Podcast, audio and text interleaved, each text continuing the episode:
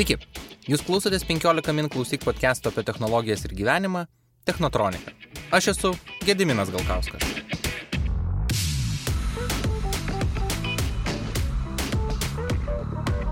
Technotronikoje kalbame apie tai, kokius drugelio efektus technologijos sukuria mūsų gyvenime, versle ir kultūroje. Technotronikos podcastą palaiko Startup Lithuania, geriausias startuolių draugas Lietuvoje. Ir jei tu domiesi naujausiamis technologijomis ar ketini kurti verslą, Startup Lithuania tau turi žinutę. Išgirs naujausias startuolių tendencijas konferencijoje Startup Fair Change, kuri vyks jau gegužės 30-31 dienomis Vilniuje. Daugiau informacijos - startupfair.lt. Primenu, kad Technotronikos galima klausytis 15 min klausyk platformoje, o taip pat Spotify, Apple, Google Podcast, Stitcher ir kitose populiariose podcastų platformose. Tai yra antrasis epizodas ir jame kalbėsiu apie technologijas medicinoje. Tiksliau, apie labai siaurą jos dalį. Medicina yra per daug sudėtinga, kad kalbėtume apie ją bendrai. Alchemikai svajojo sukurti panacėją - vaistą nuo visų lygų. Nepavyko. Dabar dirbtinis intelektas ateina su savo jėga, bet ir jis nesprendžia visų bėdų o pradedamas taikyti tik siaurose medicinos rytise. Tačiau netgi tai gali lemti nemenkus pokyčius ar padėti išgelbėti daugiau gyvybių. Deloitte pasaulinės sveikatos apsaugos tyrimo duomenimis 2022 metais išlaidos sveikatos apsaugai visame pasaulyje sudarys daugiau kaip 10 trilijonų dolerių. Tad atsikandus net smulkų šio pirago kasnį, galima uždirbti daugybę pinigų. Nenustabu, kad daugybė startuolių taikosi į sveikatos apsaugos sektorių. O šis tikrai yra pribrendęs pokyčiams. Sveikatos apsaugos sistema visuomet pasižymėjo tuo, kad naujovės čia kelias skverbėsi lietai ir sunkiai. Tačiau įvairūs spaudimai sistemai, pavyzdžiui, specialistų trūkumas arba technologijos, kurios atpigina procedūras, verčia keistis ir sveikatos apsaugą. Šiandien kalbame apie labai siaurą medicinos rytį - radiologiją. Mes eiliniai piliečiai su ją susidurėme, kai reikia prasišviesti plaučius ir esame siunčiami darytis rengeno. Dabar šioje medicinos rytyje dirbtinis intelektas naudojamas ko gero plačiausiai. Jis taikomas patologijų nuotraukose atpažinimui. Ir tai nėra joks stebuklas. Netgi mes su dirbtiniu intelektu vaizdų atpažinime susidurėme kasdien Facebook'e.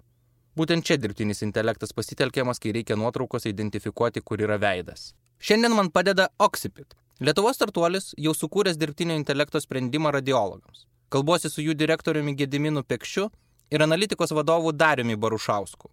Jie papasakos, kodėl net paprastam praeiviui gatvėje radiologija gali būti pakankamai artima. Paprastas praeivis gatvėje galbūt kartais užsuka ir į polikliniką ligoninę, ar tai būtų reguliariam sveikatos patikrinimui, ar, ar tai būtų dėl kokio kosulio ar, ar kokios lygos. Ir vienas iš dažniausių radiologinių tyrimų pasitaikančių tiek per įprastinį patikrinimą, tiek, pavyzdžiui, kai yra plaučių uždegimas arba kokios tuberkuliozės pažymiai arba trauma, e, yra krūtinės e, rengenograma. Ir tą krūtinės rengenogramą su prietaisais paima technologai, padaro ir tada jį keliauja daktarui radiologui. Ir daktaro radiologo užduotis yra parašyti išvadas apie tą nuotrauką, kas tenais yra matoma. Ir tai gali būti beveik šimtas skirtingų potencialių pakitimų, lygų požymių ir, ir taip toliau. Ir taip pat jų vieta e, krūtinės nuotraukoje. Ir tas darbas toliau keliauja arba patvirtinti kažkam tai šeimos daktarui, pasižiūrėti ir, ir toliau diagnozuoti ir, ir parinkti gydimą. Vat, ir tų daktarų radiologų pastaruoju metu pradėjo labai trūkti Europos Sąjungoje ir, ir kitose šalise. Dalis priežasčių tą nulėmusių yra tai, kad magnetinio rezonanso aparatai ir kompiuterinė tomografija išpopuliarėjo jų kokybė išaugo, tai yra vienas iš, iš tų tyrimų, kuriuos radiologai turi atlikti ir, ir kurių svarba sparčiai auga, mm, kadangi jie parodo pakankamai detalų vaizdą organizmo. Ir, tačiau juos padaryti ir įvertinti užtrunka pakankamai nemažai laiko. Ir tų pačių radiologų skaičius a, išliko pastaruosius kokius dešimt metų ES ganėtinai stabilus. Mm. Ir kadangi jų buvo šiek tiek mažiau, pavyzdžiui, tokiuose šalyse kaip Didžioji Britanija, tai tenais jau yra tokia ganėtinai subrendusi krizė, a, kur tų sakykime, tyrimų rezultatų tenka palaukti ir kelis mėnesius ir kur kai kurios ligoninės turi iki keliasdešimt tūkstančių nuotraukų archyvą technologų padarytų vaizdų, kurie dar laukia įvertinimo. Ir yra tam tikros lygos, kurios anksčiau diagnozuotos, nulėmė tai, kad būna parenkamas efektyvesnis gydimas ir, ir dėl to nukenčia pacientai, kai, kai, kai tai nėra daroma. Tai ką mes specifiškai darome, tai mes darome dirbtinio intelekto asistentą radiologam, kuris pats aptinka nemažą kiekį lygų ir padaro tokį preliminarų pateikė preliminarias išvadas, kurias radiologas vienaip ar kitaip turėtų pats vėliau pateikti tuo pačiu formatu, kaip radiologas darytų. Ir tada radiologas gali kaip ir pakoreguoti jas savo nuožiūrą ir, ir pateikti tam šeimos daktarui ar, ar kitam daktarui, kuris jau ir parenka galutinį gydimą.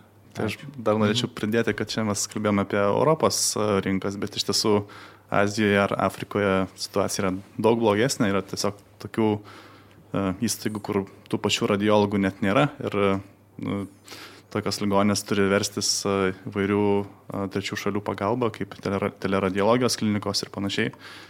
Ir mes šitoje vietoje irgi matome perspektyvas padėti išspręsti va, tų va, mažų ligonių problemą.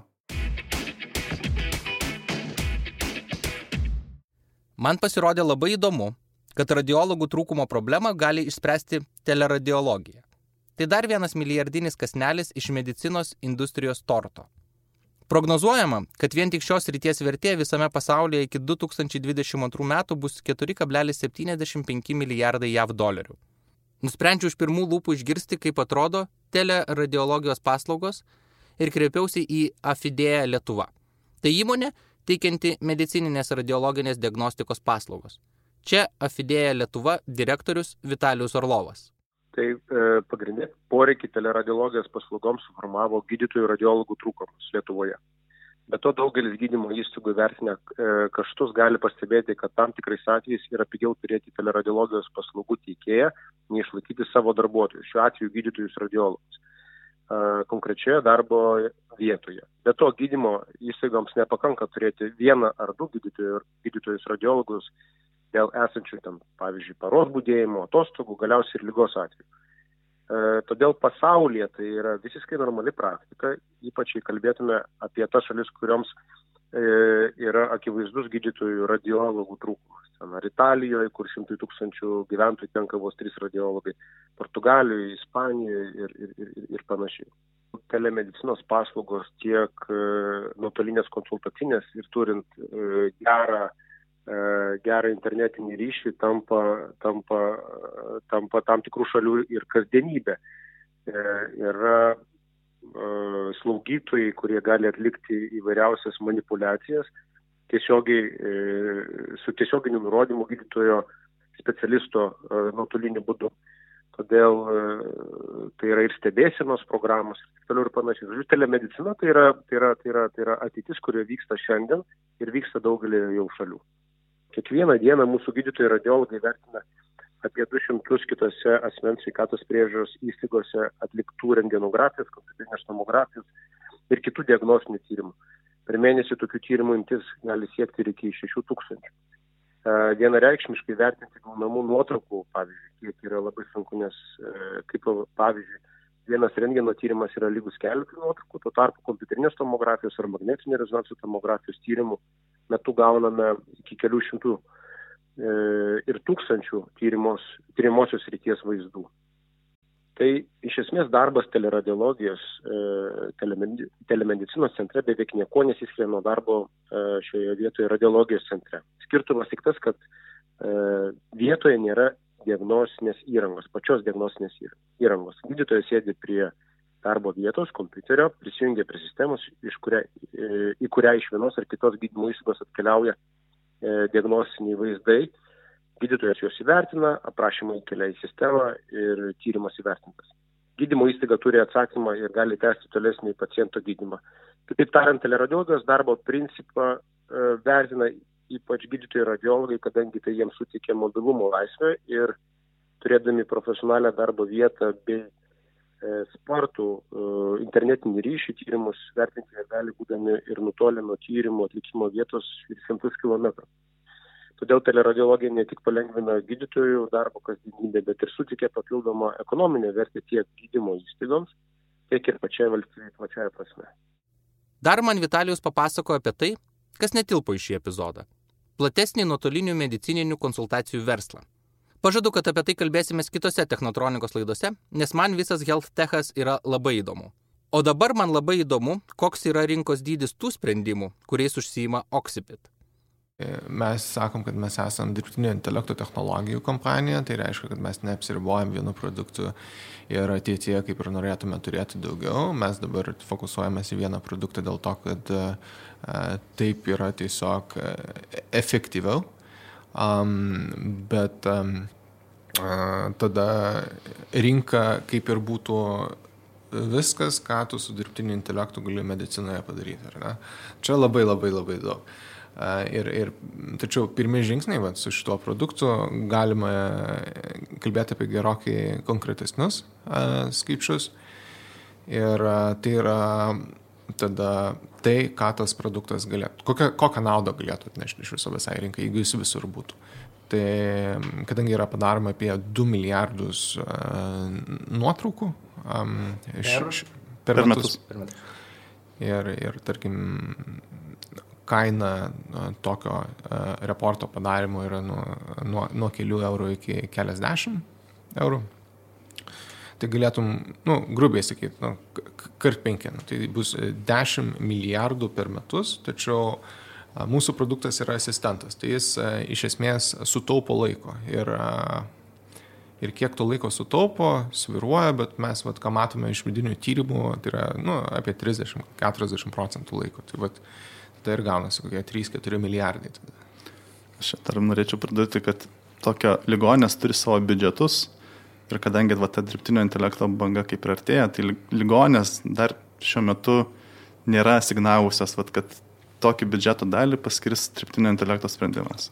Tai ką mes iš tiesų taikome, tai yra į tą pinigų dalį, kurią ligonė gali skirti IT e, sistemoms palaikyti, naujoms įsidėkti ir panašiai. Tai šiuo metu tokia rinka yra e, situacija rinkoje ir tikimės, kad ilgainiui va, tas įvyks proveržys, kur jau pačias ligonės norės ir žinos, kad va, reikia asignuoti biudžeto dalį va, dirbtinio intelekto sprendimams įsitiekti ir palaikyti.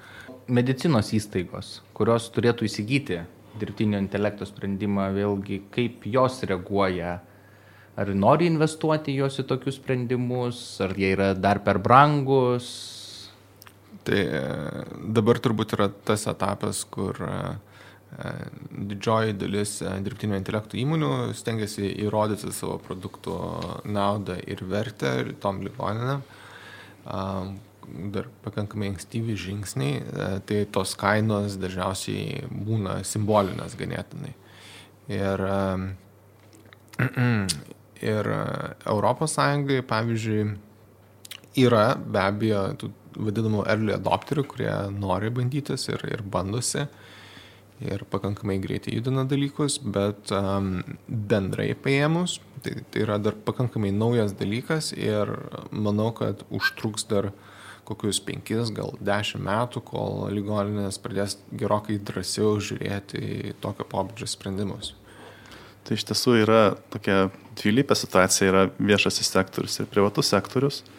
Tai viešo ir privataus sektoriaus ligoninių kaip ir incentivizacija, va, turėti tokią, tokį produktą yra skirtinga. Tai tarkime, privačiame sektorėje yra toks kaip ir, toks vadinamas selling point, yra, kad jūs padarysite tyrimus greičiau, reiškia, e, gausite nu, didesnį pinigų, pinigų apivartumą ir panašiai.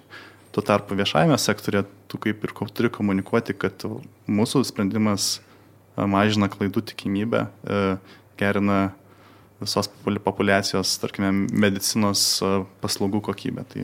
Nu, bet ir tai ne, nebūtinai. Ir tai, ir tai nebūtinai taip. Nes jeigu tai yra mažesnė kokia nors ligoninė, tai kad jai investuoti pinigus ir, ir laiką į tį į tai, kad būtų kažkoks naujas sprendimas įdėktas, nes tai vis dėlto yra tam tikras e, resursų kiekis, tai jie tikrai turės svarbesnių dalykų jam e, negu kažkokį sprendimą dar įsidėkti. Bet iš kitos pusės, aišku, kai kalbame apie tokias e, regioninės, ne, ne, ne akademinės, ne universitetinės ligoninės, tai pas jas yra stygus žmonių ir, ir kai kurios netgi nori turėti dėl to, kad tai yra kažkas įdomus, kažkas tai, kas palengvina darbą radiologui ir taip galbūt lengviau prisitraukti ir jiem patiems žmonių. Tai ar tai galėtų būti ne pavienių medicinos įstaigų, o valstybės strategija? Um, aš manau, kad uh, turėtų ir tai turi dar krūvą kitų privalumų, nes, kaip minėjau, pavienės ten regioninės ligoninės, jos gal turi kitų galvos skausmų. Uh, tačiau, pavyzdžiui, jeigu žiūrėti kokią tuberkuliozės atsparios tam įvairiam vaistam grėsmę, ar ne, tai jeigu ją kažkiek tai bandyti sukontroliuoti per tyrimus, tai valstybės mastu tai yra potencialiai opi ateities problema ir, ir, ir tą galima daryti su centralizuota sistema, ar ne, nes visi tie tyrimai tada galėtų krūtinės rengenogramų um, pavyzdžiui, nugulti į centralizuotą archyvą, tas archyvas visas peržiūrimas algoritmų, uh, algoritmam ir duomenų kiekis yra nemažas, kas yra naudinga jiem patiem. Ir, ir taip pat ta problema tampa tokia labiau šalies mastų sprendžiama. Tai jeigu pavienė ligoninė galbūt neužsimtų, nes nu, net, neturėtų to tarp prioritetų, bet, pavyzdžiui, e, samo kontekste tai, tai galėtų būti potencialiai įdomus sprendimas. Tai aš tai labai esu aš, kad e, būtų kuo daugiau tokio centralizavimo, ir, ir bandymo išnaudoti mm, tą, tą duomenų kiekį, sprendžiant problemas, kurios galbūt negali nugulti pas, pas ligoninę šiuo metu. O čia vėl Vitalijus iš Afidėja Lietuva. Jis man papasakojo, ar jų paslauga įdomi Lietuvos sveikatos apsaugos įstaigoms. Tai e, įmonė Fidėja savo veiklą vykdo 16 Europos šalių. Čia Lietuvoje teleradiologijos paslaugas pradėjome teikti 2015 metais laimėjo konkursus ir pasirašė pirmasis bendradarbiavimo sutartys su keliomis asmens sveikatos priežiūros e, įstaigomis. E, šiandien turime 30 sutarčių su įvairiomis tiek valstybinėmis, tiek privačiomis asmens sveikatos priežiūros įstaigomis dėl teleradiologijos paslaugų teikimo. E, labiausiai esame išvystę radiologijos paslaugų tinklo centrinėje, šiaurinėje, rytinėje Lietuvos dalyse, tačiau ir aktyviai dalyvavome projektuose, kurie susiję su teleradiologijos paslaugų eksportų ir į užsienio rinką. Ir e, sakykime, netgi pagalbos teikimu mūsų pačios afidėja įmonių e, grupės tinklo šalimis Europoje. Jei radiologų trūkumas leidžia atsirasti tokiems naujiems verslams kaip teleradiologija, tikriausiai ir pats Oxipit sprendimas gali sukelti netikėtų efektų kitose verslo industrijose. Gediminas pateikė labai įdomią įžvalgą. Medical uh, malpractice, uh, tie, tie ieškiniai, pažiūrėjau, Amerikoje yra visa industrija sukasi aplink tai, kaip uh, daktaras, advokatų šalis tenais. Tie, kaip, kaip daktaras ten suklysta kažkur tai, ar, ar ale suklysta ir, ir tada tenais jau per teismus ir, ir kompensacijų išsireikalauja ir visa kita. Tai aš manau, kad jo, iš tiesų, ypač kai kalbam apie radiologiją, tai jeigu va, šitie va, advokatai, teisininkai gautų prieigą prie, prie tų visų duomenų, jie turėtų galimybę kaip ir išgręžti visą sistemą ir rasti visus va, tokius va, nukrypimus va, nuo, nuo kažkokių tai normų, reikalavimų ir, ir visa kita, arba kur anksčiau tas vėžys buvo matomas ir, ir tada pateikti tai kaip va, tokią va, um, žodžiu, į, į, į naują ieškinį kažkur inkorporuoti ir vat, susirasti labai daug klientų. Tai aš čia yra potencialo. Arba atvirkščiai, jeigu mm, viskas taptų analizuojama dirbtinio intelekto, tai tokie advokatai gal netektų darbo. Uh, nu, aš sunkiai įsivaizduoju Amerikoje, čia, čia greičiau dirbtinis intelektas netektų darbo, greičiau negu Amerikoje advokatai netektų. Uh, Bet jo, galbūt jeigu ligoninės pradėtų dėktis, tai tada jo, sumažėtų tų atvejų ir, ir tai turbūt yra viena iš priežasčių, kodėl Amerikoje jie šiek tiek drąsiau žiūri į šitos dalykus. Nes kaip ir nauda yra dar kitokia. Čia tie malpractice lawsuits ES jie yra labai nepopuliarūs palyginus. um, ieškiniai tie. Kokias lygas jūs galite padėti identifikuoti radiologams? Tai iš tiesų gal reikia pradėti nuo to, kad radiologai nediagnozuoja ne, ne lygų. Jie tik aprašo požymius, a, tam tikrą požymių rinkinį, kurie yra persinčiami jau gydytojai ir gydytojas vat, jau tų vat, požymių dėka nustato diagnozę. Tai radiologas toks yra žmogus, kuris tiesiog aprašo, ką jis mato nuotraukoje. Jis nieko nediagnozuoja, bet vat, parašo, vat, padidėjusi širdis, subliuškęs plautis, kaulų lūžiai, dar kažkas. Ir, ir visa ta visuma yra kaip ir svarbi informacija, vat, kokius, kokį gydimą reikia pacientui paskirti. Tai, tai yra, radiologai iš esmės nėra tie vat, gydytojai, kurie vat, gydo lygas. Yra... Tai kitaip tariant, kai oksipit sprendimas praseina per nuotrauką, jisai tiesiog konstatuoja na, kas jame matoma, bet ten nebus taip, kad išspausdina tuo pačiu metu ir diagnozę. Tikėtina, kad taip nebus. Natūralu, kad kai kalbame apie technologijas ir galimas išspręsti bėdas medicinoje, mes tikimės, kad būtent skaudžiausios lygos bus pažabotos pirmą. Pavyzdžiui, rengeno atveju tai galėtų būti plaučių vėžys. Tačiau pati rengeno technologija nėra labai patikimas būdas ankstyvai plaučių vėžio diagnostikai. Todėl šis modelis nebūtų labai tinkamas. Visgi, Gera rengeno diagnostika gali pasitarnauti gerokai žemiškesniais atvejais. Yra krūva tokių dalykų, kaip, pavyzdžiui, um, subliškimas plaučių. Ar kažkas tokios ūminės bėdos, kur, tarkim, kartais irgi padaroma klaidų ir tenais, jeigu nukirpti tų klaidų bent jau dalį, nu, tai yra potencialiai išgelbėtos gyvybės. Arba, pavyzdžiui, tos pačios tuberkuliozės kažkaip tai požymis su, sužvėjoti irgi tenais, kur E, nėra pagauta. Tai galima tada kažkiek bandyti sukontroliuoti um, paplitimą, pavyzdžiui, vaistam atsparios tuberkuliozės. Uh, tas irgi labai sudėtinga tada būtų apskaičiuoti, kokia potencialiai įtaka. Ir, ir yra dar viena, vienas poebis žmonių, tai yra žmonių, kurie yra po traumos, tarkime, reanimacija ir panašiai. Tai e, krūtinės tastos renginas yra turbūt vienintelis prietaisas pažiūrėti, kas e, žmogui yra blogai po, nežinau, motociklo avarijos ar dar kažko. Ir iš tiesų, jeigu žiūrint į trečią lygio ligonės, nu, na, tokias kaip santariškės ir panašiai, tai pusė tyrimų iš esmės yra tokie potrauminiai ar žmonės, kurie guli vat, palatoje ir, ir tenais yra iš tiesų sunkioji va, to da, radiologinio darbo uh, dalis, nes ten daug sunkiau kažką pastebėti. Kai žmogus guli, uh, pastebėti, kad ten yra kažkoks vėžys ar dar kažkas yra praktiškai neįmanoma, bet uh, vat, tokios patologijos kaip e, subliuškės plautis, jeigu tu, tu jų nepastebėsi, tai žmogaus e, tikimybė numirti smarkiai išauga. Tai mes tengiamės e, padengti visas to radiologinio darbo, sakykime, sritis, tiek profilaktinius tyrimus, tiek, tiek reanimacijoje. Ir, ir čia yra tai, ko iš tiesų gal ligoninė net labiausiai ir reikia, kad vat, sprendimas veiktų visais įmanomais atvejais. Ir mes iš tiesų nuo nuo pirmos dienos apie tai galvojame, tai fokusa, fokusavomės ir iš tiesų pasaulyje mes gal net esame vienintelė kompanija, kuri vat, ir geba pasiūlyti vat, tokį produktą, kuris veiktų visais įmanomais scenarijais. Tai čia bent jau aš asmeniškai šito didžiuojasi. Jeigu tu esi radiologas, gydytojas, tai darbas su rengenais yra pati nuobodžiausia darbo dalis, kuri tenka dirbti ligonėje. Darius taip atsako į mano klausimą, ar nėra taip, kad radiologai ignoruoja oksipit, nes jų sprendimas gali atimti jų darbo vietą. Tai kiekvienas radiologas iš tiesų labai nori tokį sprendimą e, turėti paranką, nes kuo mažiau laiko tektų skirti vat, aprašinėjant rengenus, tuo tas dar, pasitenkinimas darbų didėja, nes įdomioji tos radiologijos darbo dalis yra darbas su trimačiais vaizdais. Tai sudėtingesni tyrimai, tai viską galvos, E, kompiuterinė tomografija, stuburo, magnetiniai rezonansai ir panašiai.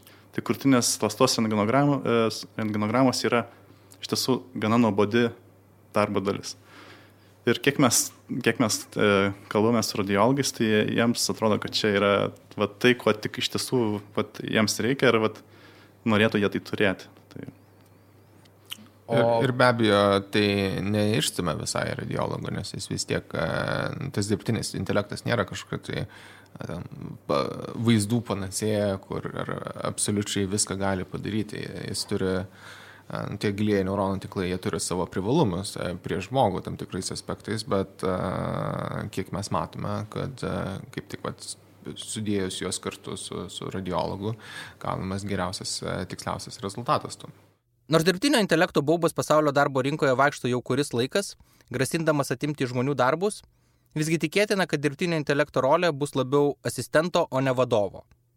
Štai radiologai atlieka 27 funkcijas ir tik viena iš jų yra rengeno nuotraukų vertinimas. Net jei dirbtinis intelektas gali būti tikslesnis nei žmogus, dar didesnis tikslumas gali būti pasiekiamas, kai žmogus padeda tobulinti dirbtinį intelektą. Ne tik radiologijoje pastebima, kad geriausius rezultatus duoda ne pavienis žmogaus ar kompiuterio darbas, o sinergija. Konsultacinės bendrovės Accenture darbuotojai Polas Dogerty ir Jamesas Wilsonas parašė knygą Human and Machine Reimagining Work in the Age of AI. Jų tyrimai rodo, jog kombinuoti, o ne pavieniai sprendimai pagerina rezultatus nuo 2 iki 6 kartų. Jie pateikė ir pavyzdį.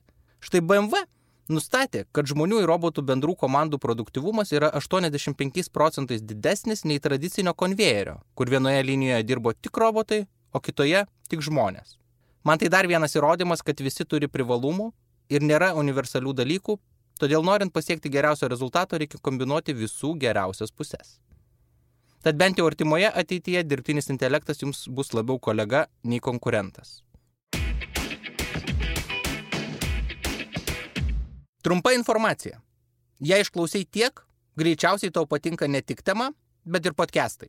15 min klausyk mobiliojoje programėlėje gali rasti dar daugiau podcastų. Tarp jų ir pokalbį su aukščiausio lygio vadovais laidoje Atvirai su vadovu bei laisvai samdomų darbuotojų aktualios podcast'e freelancerių dalykai.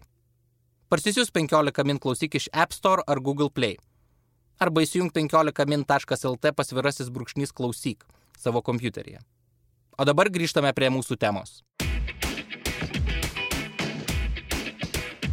Koks tada jūsų sprendimo tikslumas yra a, lyginant su radiologais? Na, jeigu taip grubiai, tai yra tokia metrika, kuris sugeba išranguoti vat, nuo labiausiai lygoto asmens e, iki pačio sveikiausio. Ir kaip tą rangavimą padaryti, tai yra matuojanti metrika, kaip teisingai vat, išrangavot. Pat nuo, nuo labiausiai e, lygotą iki sveikiausio, tai ta metrika šiuo metu pas mus yra apie 93 procentus. Na tai galima sakyti grubiai, kad vat, 93 e, procentais atveju mes esame arti tiesos. Iš tiesų lab, yra niuansų, tarkime, kad ir pačio algoritmą apmokėme, nes mes mokomės iš e, taip pat iš žmonių, kurie irgi klysta. Tai reiškia, kad žmogus parašė ataskaitą apie tą e, nuotrauką ir joje yra klaida. Tai algoritmas irgi mato, kad ten yra klaida ir jis, ir jis natūraliai negali būti tobulas, nes žmonės nėra tobulė prašydami realybę. Tai yra ja. trade-offas toks. Ja, tie gilieji neuronų tinklai, jie gali kažkiek tai ištaisyti, besimokydami tas klaidas, bet e, ne, ne visiškai. Bet e, kitas dalykas, jo, tai 93 e, procentai, tai čia AUC metrika. Um, ir pas radiologus į, tarkim, vertinant plaučių vėžį sviruoja nuo 85 iki 95. Tai... Nuo 80 iki 90, gal net ir blogiau. A, nu tai, bet a, e, esmė gal vis tiek ta, kad a, mes, a, kai, kai darėme tuos tyrimus a, su, su pilnu spektru, a, tai atrodo panašiai tas veikimas, bet yra stipriosios ir silpnosios pusės. Tai kai mes pastatėm atsiprašau, pasudinom radiologą dirbti kartu su produktu ir testavom, kiek, kiek radiologas padarytų klaidų dirbdamas su produktu ir, ir be produkto. Ir, ir tada dar kiek algoritmas pats savarankiškai dirbdamas padarytų. Tai um, ir čia buvo rezidentas radiologas, nu, ne, ne ekspertas, bet uh, Tai pamatėm, kad kartu su, su tuo asistentu padarytų klaidų skaičius buvo dvigubai mažesnis negu atskirai, kur mes vieną. Tai, um, tai būtų kaip tokia gal indikacija. Taip. Jeigu darytume paralelę su aviacijos industrija, kur sakoma, na, labai lėktuvai šiuolaikiniai automatizuoti, bet kai iškyla kažkoks tai nestandartinis dalykas, na, dar šiuolaikiniai lakūnai praranda įgūdžius ir ne visą laiką gali na, tą nestandartinę situaciją spręsti taip, kaip tarkim prieš dešimt metų būtų galėję. Tai klausimas, ar radiologai dėl to nepraras įgūdžių? Jo, tai radiologai dabar iš tiesų praradinėja įgūdžius dėl kitų priežasčių. Tai yra dėl to, kad e, jie turi jau nebefokusuotis į, pavyzdžiui, krūtinės e, rentgenogramas, o į magnetinį rezonansą arba kompiuterinę tomografiją, ultragarsą. Ir e, natūralu, kad laiko skiriama gerokai mažiau ir studijos darytos apie kokybę ir metai iš metų jį krenta šiuo metu. Tai ir, ir kita priežastis, aišku, kodėl krenta, nes mažiau laiko jam lieka ir užsimti tuo, kai yra tiek daug kitų tyrimų. A, tai ir praleidžiama tų laiko mažiau, reportai gal netokie išsamus ir, ir kai kur a, iš tiesų yra judama link mažiau kvalifikuotų specialistų tiesiog darbinimo tai, tai būtent vietai. Bet man dar parūpo vienas dalykas ir paklausiu Oksipit. Jūsų sprendimas grįstas yra dirbtiniu intelektu. Dirbtiniam intelektui na, labai svarbu yra pradiniai duomenys. Na, tie, kuriuos analizuoja dirbtinis intelektas, po to priima sprendimus. Teko skaityti, kad netgi na, ypač e, tose regioninėse ligoninėse tas pats rengenas e, dažnai, nežinau ar galiu teikti, kad jis nekokybiškas, bet anksčiau netgi būdavo tokia praktika, kad vat, trečio lygio ligoninėse, kaip Santariškėse, netgi prašydavo padaryti rengeną iš naujo, nes, na, čia nepakankamai garantuojama ar kokybė, žmogus dar kartą apšvitinamas, tai klausimas yra toksai, kaip jūs užtikrinate tą duomenų kokybę, kokiom duombazėm ar jūs naudojatės, kaip, kaip tai vyksta? Tai iš tiesų mes kūrėme produktus remiantis įvairiais duomenų šaltiniais. Tai aš manau, šiai dieną galim skaičiuoti apie 20 skirtingų duomenų šaltinių, tiek iš Lietuvos, Amerikos, Vokietijos, Indijos. Ir kiekviena, kiekvienas tas, tarkim, duomenų šaltinis nu, yra skirti, kitokios kokybės. Tai vat, mes tą kokybės klausimą bandome spręsti per diversifikaciją pačių vat, duomenų šaltinių. Ir, nu, ir, tas iš tiesų padeda. Tai iš tiesų, ką jūs minėjot prieš tai, patys rengenai yra tokia evoliucionuojanti technologija, tai tarkime, prieš kokius 15-20 metų e, e, rengenas veikia visiškai kitaip negu šiandien. Tai, tarkime, prieš 15-20 metų būdavo atliekamos nuotraukos, jos tada nu, nuskanuojamos ir patalpinamos į archyvą. O šiai dienai tos modernios ligonės jau turi pilnai skaitmeninizuotą procesą, kur iš karto padaroma skaitmeninė nuotrauka. Tai jau čia yra kokybinis skirtumas, kaip tu tą nuotrauką padarysi. Ir, ir mes savo produktą testavome, kaip, kaip va, tas produktas veikia ant va, tos senesnės kartos technolo, X-ray technologijos ir ant, naujas, ir ant naujas, tos naujausios. Ir iš tiesų didelių skirtumų kaip ir nepastebėjome. Tai, tai matyti ir nulemta to, kad mes pakankamai diversifikuojame savo tos duomenų šaltinius ir, ir panašiai. O jūs užsiminėte apie net 20 duomenų bazių, ar tai yra Jūs turite jų ieškoti ir tai yra vos neviešai prieinamos, už jas susimoki ir gauni, kaip tos bazės iš tikrųjų susidaro? Iš tiesų yra įvairiai. Tai privačios yra privačios, tai su privačiam pasirašai sutartis duomenų gavimo yra pusiau atviro, atviros prieigos, tai turi įrodyti, kad tu vat, darai, darysi researchą šio pagrindu ir panašiai.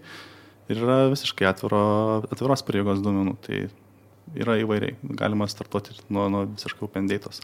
Bet čia labai svarbu paminėti, kad vat, open, tarkime, open data, tai tie atviri duomenys, jų kokybė gali būti nu, prastesnė negu, tarkime, e, privačių duomenų setų, nes e, tas sužymėjimo procesas yra gana keblus, nes, ką, ką, tarkime, ką mes kaip kompanija, tarkime, gauname? Gauname vaizdą ir tekstinę aprašymą, tos nuotraukos. Tai mes turime suprasti tiek vaizdą, tiek sugebėti iš to aprašymo ištraukti aktualią informaciją ir iš tos informacijos apmokinti algoritmą. Tai, tai iš tiesų yra tas procesas susideda iš dviejų dalių - vaizdų analizė ir teksto analizė. Ir vien jau krūtinės lastos rentgenogramų atveju, tai ta, va, ta tekstinė dalis, tarkime, atvirų duomenų kontekste yra prastos kokybės. Kitaip tariant, net jei niekada nesate daręsis rengeno ir jums tai atrodo labai tolima, vis tiek turite norėti, kad radiologai kuo tiksliau ir aiškiau aprašytų ir kitų žmonių rentgenogramas. Nes būtent tai labai svarbu dirbtiniam intelektui, norint teisingai identifikuoti sveikatos problemą. To jums prireiks, kai pats pagaliau darysitės rentgeną. Dar vienas drugelio efektas kurį sukelia technologijos medicinoje, yra diagnostikos demokratizacija. Mes vis plačiau patys turime galimybę prieiti prie diagnostikos priemonių be daktarų tarpininkavimo. Tokią svajonę turėjo ir lednai pagarsėjusi Elizabeth Holmes, startuolio Teranos įkūrėja. Ilgai visiems kabino makaronus, kad Teranos nedidelis renginys Edison iš kelių kraujo lašų galės diagnozuoti beveik 200 lygų.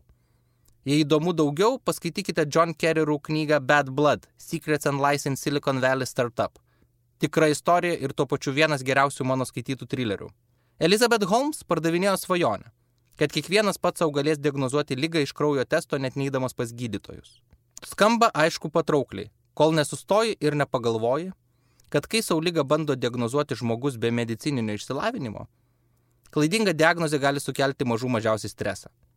Man pačiam nesvetima nuodėmė pasijautus blogai paguglinti simptomus. Visuomet išsirinku patį baisiausią variantą. Dažniausiai praeina, nesugebu viską racionalizuoti.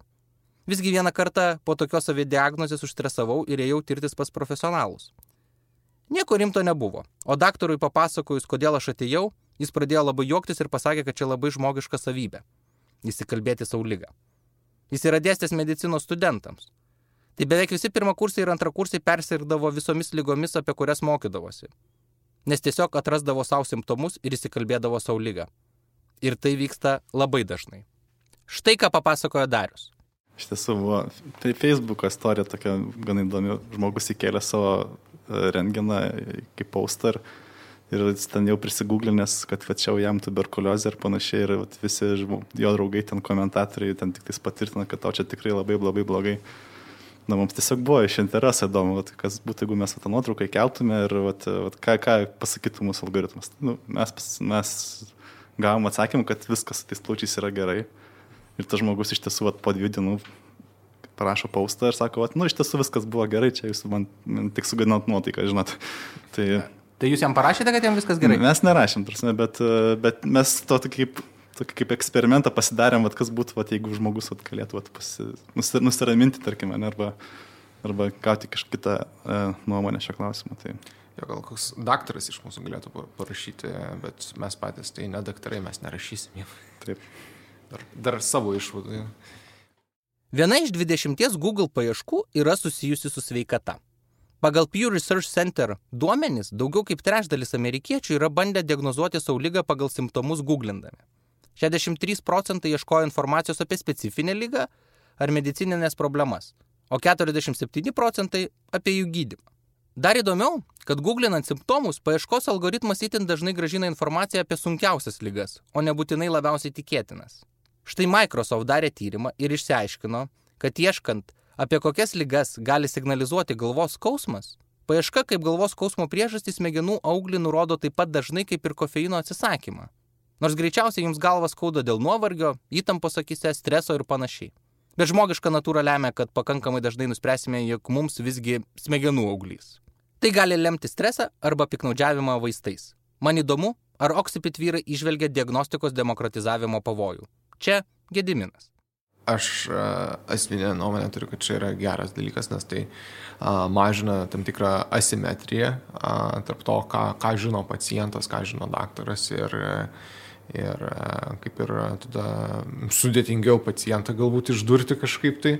A, ir a, Ir manau, kad tačiau nu, yra labai daug rizikų. Tai jeigu tu, tu kažkokį tai sprendimą padarai viešai, viešai prieinamą ir jis atlieka kažkokią diagnostiką, tai tada tu kaip ir a, turėtum a, prisimti tą gal atsakomybę už tai, ką pacientas, kuris neturi a, kaip ir žinių ir, ir patirties a, padaro su, su tavo patiktomis išvadomis. Tai, Um, tas yra labai toks didelis barjeras, tai aš nežinau, čia gal tokia pilkoji zona, kur kad tikrai tvarkingai padaryti reikia ir apmokinti ir potencialius naudotojus tokių sprendimų, kad jie suprastų, um, kas vyksta, kad tada kompanijos galbūt mažiau kažkiek rizikos patirtų, nes visą laiką yra klaidų. Um, o Kitas dalykas, tai jau dabar tokie dalykai vyksta, kaip pats googlinėsi, kur kokia lyga, tiek tos enciklopedijos visokiausios yra viešai prieinamas ir nu, niekas tenais turbūt nemato, kad čia yra labai didelė grėsmė žmonijai. Tai aš manau, kad tie dirbtinio intelekto sprendimai gali tą linkmę toliau judėti. Ir vienas iš, iš dalykų, kurį mes, pavyzdžiui, turim, tai yra paieškos sprendimas. Tai yra, tu įdedi savo rengenogramą ir tada yra archyvas 15-20 tūkstančių open data rengenogramų, kurios yra aprašytos profesionalų ir tu gali pasilyginti, į ką tai yra panašu. Tai tą mes dabar duodam daktaram, bet e, iš tiesų galėtume duoti pacientui. Tai jeigu pacientas nueina pas e, gydytoją, gauna rengenogramą ir e, jam kažkas yra neaišku, jis galbūt nori e, kitos nuomonės, gali dar nueiti pasižiūrėti į panašius atvejus, sakyti, aha, vat, kodėl, kodėl man šitą parašė, o čia vat, šitas parašytas. Tai gali ateiti pas tą patį radiologą, kitą ir sakyti, vat, vat, man šitas vat, neaišku ir gal tada jam bus ramiau. Tai gal, bet, bet jokių būdų tada nesivadovauti savo paties išvadom. Man daug vilties suteikia medicinos industrijos dydis. Kai tiek daug inovatyvių verslų nori atsikasti 10 trilijonų dolerių pirago kasnio, tikėtina, kad greitų metų lygos bus diagnozuojamos dar tuo met, kai jas bus galima išgydyti. Tiek šiam kartu Technotronikoje. Primenu, kad Technotronikos galima klausytis 15 min klausyk platformoje, o taip pat Spotify, Apple, Google Podcast, Stitcher ir kitose populiariose podcastų platformose. Kitas epizodas po dviejų savaičių. Iki.